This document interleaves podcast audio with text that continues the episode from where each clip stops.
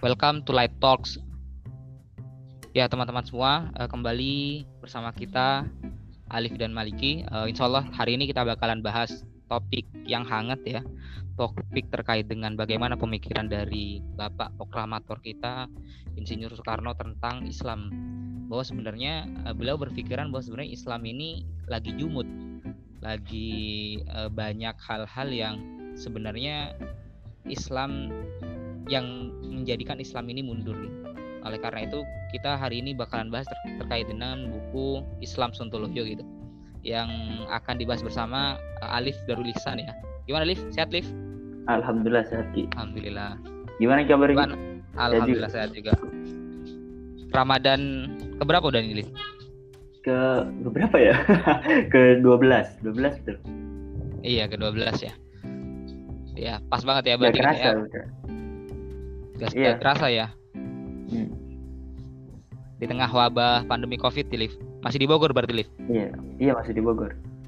Mantap. Belum bisa nah. pulang nah, kayaknya karena PSBB kan. Iya bener ya. Jadi harus ngikutin perintah dari pemerintah ya. Iya. Oke. Gini, Liv. Uh, berarti kita akan membahas terkait buku Islam Sontoloyo ini. Nah, tadi sedikit gua baca ya bahwa sebenarnya buku ini ya sama Bung Karno dikarang lebih tepatnya ketika beliau diasingkan ya. Beliau sering berguru ke Tuan uh, Hasan gitu. Yeah. Bahwa sebenarnya beliau berpikir bahwa sebenarnya Islam sekarang lagi uh, ya berada di tengah kejumudan, berada di tengah uh, kesemuan gitu, berada di tengah uh, ketidakbergerakan dan kemunduran gitu. Nah, di sini uh, Soekarno punya pemikiran bahwa ya Islam tuh harus maju, harus progres. Kalau bahasanya itu Islam progresif gitu, sehingga nanti ke depannya Islam ini menjadi uh, tolak ukur peradaban di dunia, jadi solusi bagi peradaban dunia. Gitu. Gimana sih, hmm. ternyata kalau dari Alif? Ya kurang lebih seperti itu memang intinya. Hmm. Jadi yang paling yang cukup panjang di sini ya tulisannya itu tentang surat Soekarno ke gurunya ke hmm. Tuan Hasan ya? Tuan Hasan itu yang ada di Endeh di Bandung. Dan uh, Ahmad Hasan. Ini hanya saya kurang tahu juga. Ahmad Hasan apa apa? Ahmad Hasan. Uh, ya, Tuan Guru Hasan ini uh, dia adalah tokoh Persatuan Islam dan tinggal di Bandung. Dan itu sangat intens bersurat dengan Soekarno Soekarno sering nanya, sering mengemukakan pendapat, bahkan dikirimin dua buku, eh berapa buku ya? Dikirimin sampai berapa buku itu? Ada enam kalau nggak salah. Soekarno ya. di, diberi oleh uh, Tuan Guru Hasan itu. Jadi sebenarnya keresahan dari Soekarno sehingga buat buku itu apa nih? Nah, kalau saya perhatikan bukunya ini sebenarnya adalah kumpulan dari tulisan-tulisannya Soekarno baik itu di media seperti koran, surat kabar atau surat-suratnya Soekarno seperti itu. Hmm. Nah, jadi yeah. dalam saya melihatnya dalam masa itu Soekarno kan sedang mencari cara para e, orang-orang tua kita waktu itu kan cari cara gimana caranya supaya Indonesia itu merdeka dari penjajahan kan seperti itu. Ya. Nah, ya, Soekarno ini coba meneliti, oh ini apa nih yang yang yang kira-kira bisa merdekakan kita, gerakan yang seperti apa, idenya bagaimana gitu. Akhirnya ditulislah banyak sebenarnya kan tulisannya Soekarno sampai Iya ya. Bukunya yang di bawah bendera revolusi itu kan tebel banget. Bener, bener. Iya bener banget, mahal banget lagi. Iya betul, karena jarang mungkin.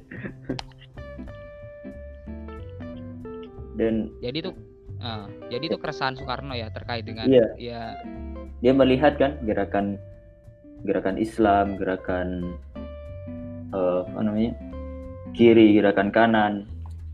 Dia perhatikan semua bahkan bukan cuman skala lokal tapi juga internasional. Dia melihat tentang pan Arabisme, pan Islamisme di itu ya di Pakistan, Timur Tengah, terus yeah, di yeah. Turki, nasionalisme Turki dan segala macam. Nah, judulnya ini Islam Sontoloyo ini salah satu tulisan Soekarno sebenarnya. Ada satu tulisan esainya Soekarno yang judulnya hmm, Islam Sontoloyo. Kurang lebih itu Gimana tuh?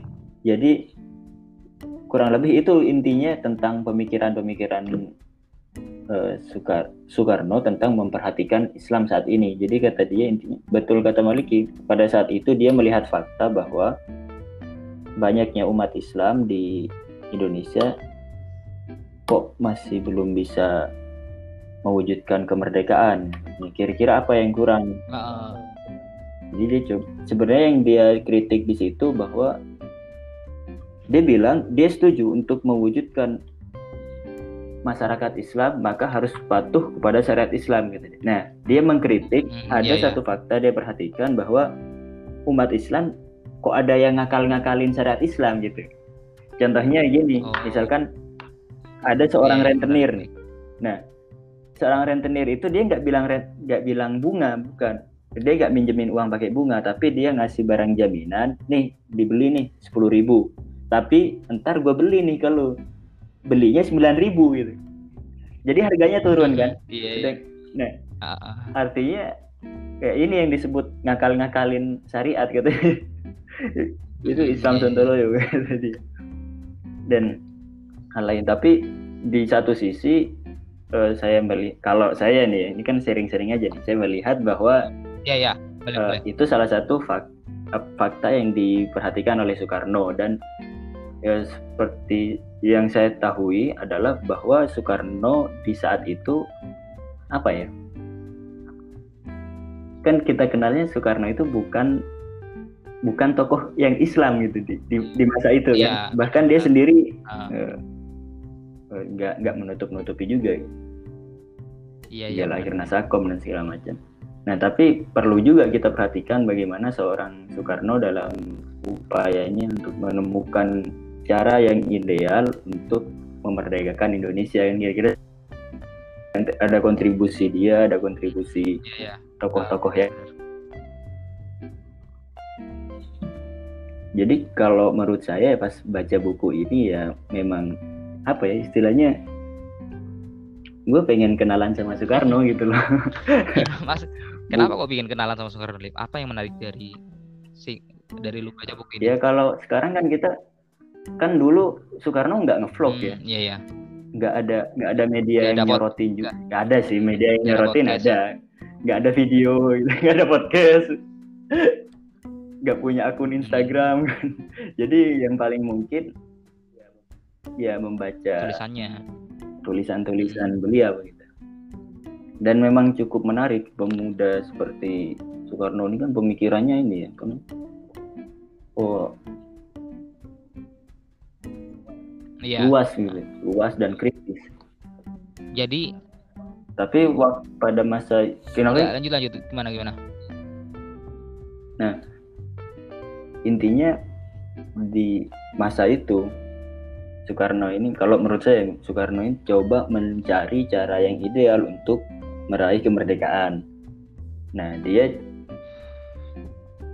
apa namanya men, men, mendalami juga memperhatikan juga bagaimana gerakan-gerakan Islam dan dia menuliskan eh, beberapa opini setelah dia memperhatikan fakta itu seperti itu. Nah dan salah satunya lahirlah itu Islam Sontoloyo. Ya, ya, ya. Tapi kalau tentang pandangan Islam kita tentu nggak cukup kan apa namanya melihat dari sudut pandang Soekarno ya, saja, ada sudut pandang yang lain, ada Muhammad Nasir, uh, Nasir Hamka. Hamka, Hamka bahkan ini ya sangat kuat itunya sama Soekarno apa namanya uh, bertolak belakangnya. Yang satu senat, yang satunya eksekutif, eksekutif gitu. ya kan sebenarnya sebenarnya di dalam buku ini kan juga uh, ketika Soekarno menulis terkait dengan uh, Islam Sontolo ini kan banyak pertentangan dari M. Natsir kan? Iya betul. Iya uh, jadi sebenarnya kalau dari dilihat dari buku ini sebenarnya yang dipertentangkan Soekarno dengan Islam apa aja lim kalau gue lihat sebenarnya uh, Soekarno juga memper mempertentangkan tentang fikih bahwa sebenarnya ya umat Islam sekarang terlalu berpaku pada fikih-fikih tertentu sehingga dia tidak melihat dasar uh, perjuangan Islamnya, tidak melihat dasar syariat Islamnya, hanya terpaku pada fikih ya uh, masalah kunut gak kunut lah, masalah inilah. Jadi banyak perdebatan sehingga itu hmm. uh, menurut, menurut Soekarno itu jumut gitu, bikin umat Islam gak maju-maju gitu. Nah iya, memang itu kalau menurut saya juga ya itu benar kata Soekarno kalau misalkan yang diributkan itu adalah hal-hal yang bersifat uh, seharusnya itu nggak perlu di diperdebatkan secara ini gitu, secara berlebihan gitu kan. Iya ya. Contohnya ya seperti kunut nggak kunut. Sedangkan pada saat itu uh, yang lebih penting adalah bagaimana penjajah ini keluar dari Indonesia, gitu. angkat kaki lah istilahnya. Nah, kalau kita cuman mengurusi masalah individual saja itu nggak selesai-selesai, apalagi masalah fikih kan banyak apa namanya banyak furuknya gitu, banyak perbedaan pendapat yang eh, contohnya madhab Maliki sama madhab Hanafi, yeah. madhab Syafi'i ada yang ada yang berbeda, tapi sama-sama sama-sama oke okay, karena itu sama-sama apa namanya tidak keluar dari syariat Islam. Syariat. Iya. Nah, menurut Soekarno itu ya itu udahlah yang yang kayak itu gak perlu diperdebatkan. Nah, kata dia seperti itu. Yang penting kita uh, apa namanya bersama-sama untuk menuju kemerdekaan. Dia inginnya seperti itu. Iya iya. Jadi sebenarnya kalau di sana Soekarno ngasih solusi nggak terkait dengan gimana sih sebenarnya cara berpikir Islam yang benar, cara iya, dia, Islam yang benar. Dia memberi solusi, bukan solusi ya. Dia memberi pandangan dia harusnya seperti apa gitu. Gimana? Menurut, menurut gue gitu. Gimana tuh kata Soekarno? Ya dia memperhatikan beberapa tokoh ya di dunia. Salah satunya yang paling dia kalau menurut saya yang paling dia soroti itu adalah tokoh-tokoh Turki. Hmm. Termasuk Kemal Atatürk, ya. terus siapa lagi namanya susah namanya berarti ya. Gimana tuh? Apalagi jadi menurut dia uh, Turki itu adalah salah satu contoh yang bisa ditiru lah menurut Bukan contoh yang bisa ditiru, yang bisa diambil pelajaran. Yeah, yeah, yeah. Menurut dia seperti itu. Apalagi ada quotes kan waktu itu dia oh, di buku ini dia tulis kita dari timur menuju ke barat. Nah, seperti itu. Itu kata siapanya Turki ya? Ada pejabat Turki pokoknya gitu. Lupa ada BB-nya gitu. Oh, iya, iya. ya, jadi menurut Soekarno ya ya seperti yang kita kenal lah sekarang seperti itu dia pengen ya itu nasionalismenya itu diterapkan gitu dan memang secara umum ya pada masa itu kan yang masalah kebangkitan kebangkitan negara itu kemerdekaan kemerdekaan mereka intinya mem, melawan ini kan melawan apa nah imperialis. Nah, mana imperialisme itu lahirnya dari kapitalisme benar, di Eropa. Nah makanya muncullah negara-negara yang uh, latar belakang semangatnya itu sosialis gitu. Oh iya iya. Ya salah satu. Apalagi waktu itu ada ini kan ada Uni Soviet. Wah itu kan wah banget tuh. Ada Uni Soviet ada di Eropa waktu itu. Waktu itu ini ya baru selesai baru tamat Nazi ya, iya, Nazi, Nazi. baru ini. Nah, itu kan Nazi dihabisin sama Uni Soviet waktu itu. Benar-benar. Jadi Uni Soviet memang lagi kuat-kuatnya dan bisa dikatakan salah satu superpower waktu itu. Dan di Mesir juga ada pergolakan ya Gamal Abdel Nasir itu. Dan dia di apa namanya semangatnya juga semangat sosialis ya. itu kira-kira. Oke berarti ya gue tadi sempat uh, lihat juga bahwa sebenarnya ya di sini Soekarno sempat bilang juga bahwa sebenarnya ya itu kan Soekarno juga sering nulis buku itu di Flores ya surat-suratnya sering nulis di Flores nah sebenarnya hmm. dia uh, mengamati bahwa sebenarnya dia uh, di Flores ini uh, negara uh, daerah misi katanya da daerah misioneris gitu bahwa sebenarnya uh, misioneris di sana tuh oh, sudah, iya. sudah sampai bisa uh, mengislam eh mengkristenkan 250 ribu orang gitu terus gimana umat muslim gitu hmm. berapa banyak umat muslim sudah mampu untuk memulafkan beberapa orang gitu Nah di sini jadi kritik Soekarno juga bahwa sebenarnya ya orang-orang yang udah yeah, kita uh, bangga bang uh, yang udah kita coba uh, dikucilkan ternyata ya dia punya semangat untuk berdakwah lebih banyak daripada kita bahasanya. Hmm. Ya itu salah satu poin kritik yang cukup ini juga ya dari sekarang. Cukup tajam lah uh. buat umat Islam. Berarti kalau dari dari buku ini sebenarnya uh, yang dititik beratkan sama Soekarno di mana di mana aja, Lip?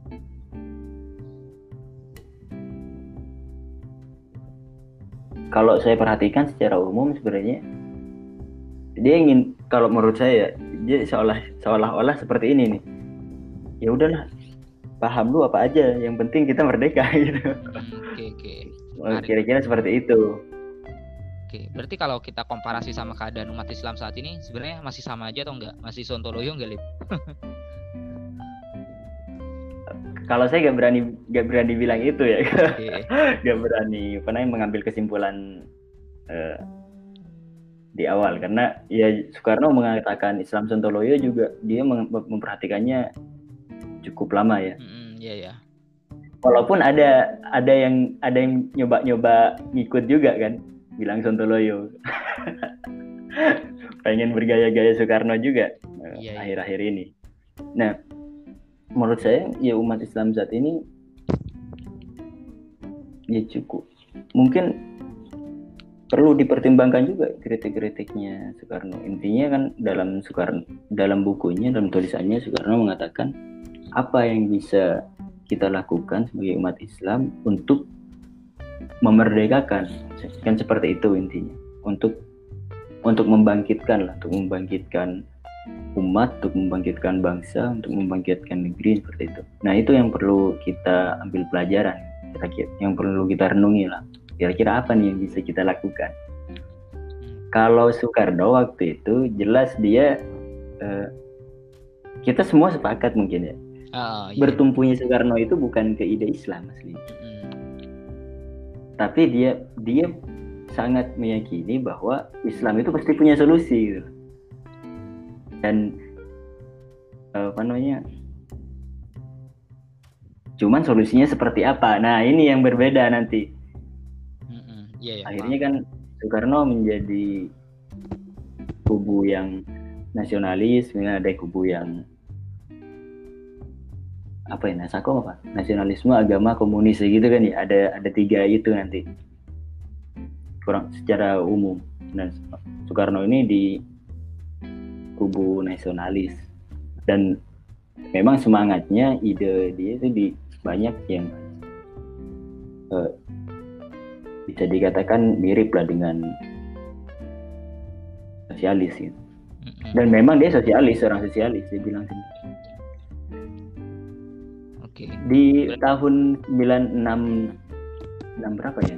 Di masanya Suhogi kan para mahasiswa tuntutannya itu bersihkan pemerintahan dari PKI. Dan salah satu kalimatnya Suhogi dalam beberapa tulisannya, dalam tulisannya ya, dalam catatan hariannya. Terus kalau kita nonton filmnya juga kan Suhogi pernah bilang gini, jadi di masa akhir-akhirnya Soekarno ya waktu itu ada ada pemberontakan PKI dua kali oh, iya. segala macam hmm, benar-benar ya. Sogi bilang kita adalah orang yang berkata tidak kepada Soekarno ketika orang-orang mabuk dengan slogan-slogan. Nah, bukan berarti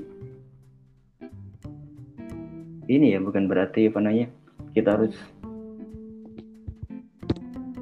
karena Soekarno itu adalah presiden pertama, founding fathers dan segala macam, bukan berarti kita harus membenarkan semua ininya, tapi ada poin-poin yang itu bisa dikritisi. Sama kayak hmm, iya, iya, mahasiswa paham. pada saat itu. Angkatannya siapa? Angkatannya Suhogi. Okay. Segala macam. Yang paling terkenal kan Suhogi karena karena ada filmnya mungkin ya dan terutama ya. karena dia nulis buku benar-benar kalau nggak nulis nggak mungkin seterkenal itu sih menurut benar-benar dan memang dia sangat ini ya sangat populer di Universitas Indonesia di gerakan-gerakan mahasiswa. Sangat okay. cukup berpengaruh. Berarti kalau dalam buku ini dapat uh, semangat semangat gimana lip?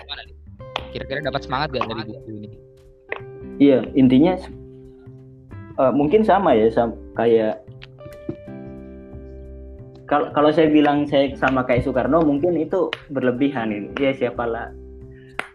Aku mah apa atuh gitu. Ya siap siap. Uh, kurang lebih semangatnya sama bahwa sebagai umat Islam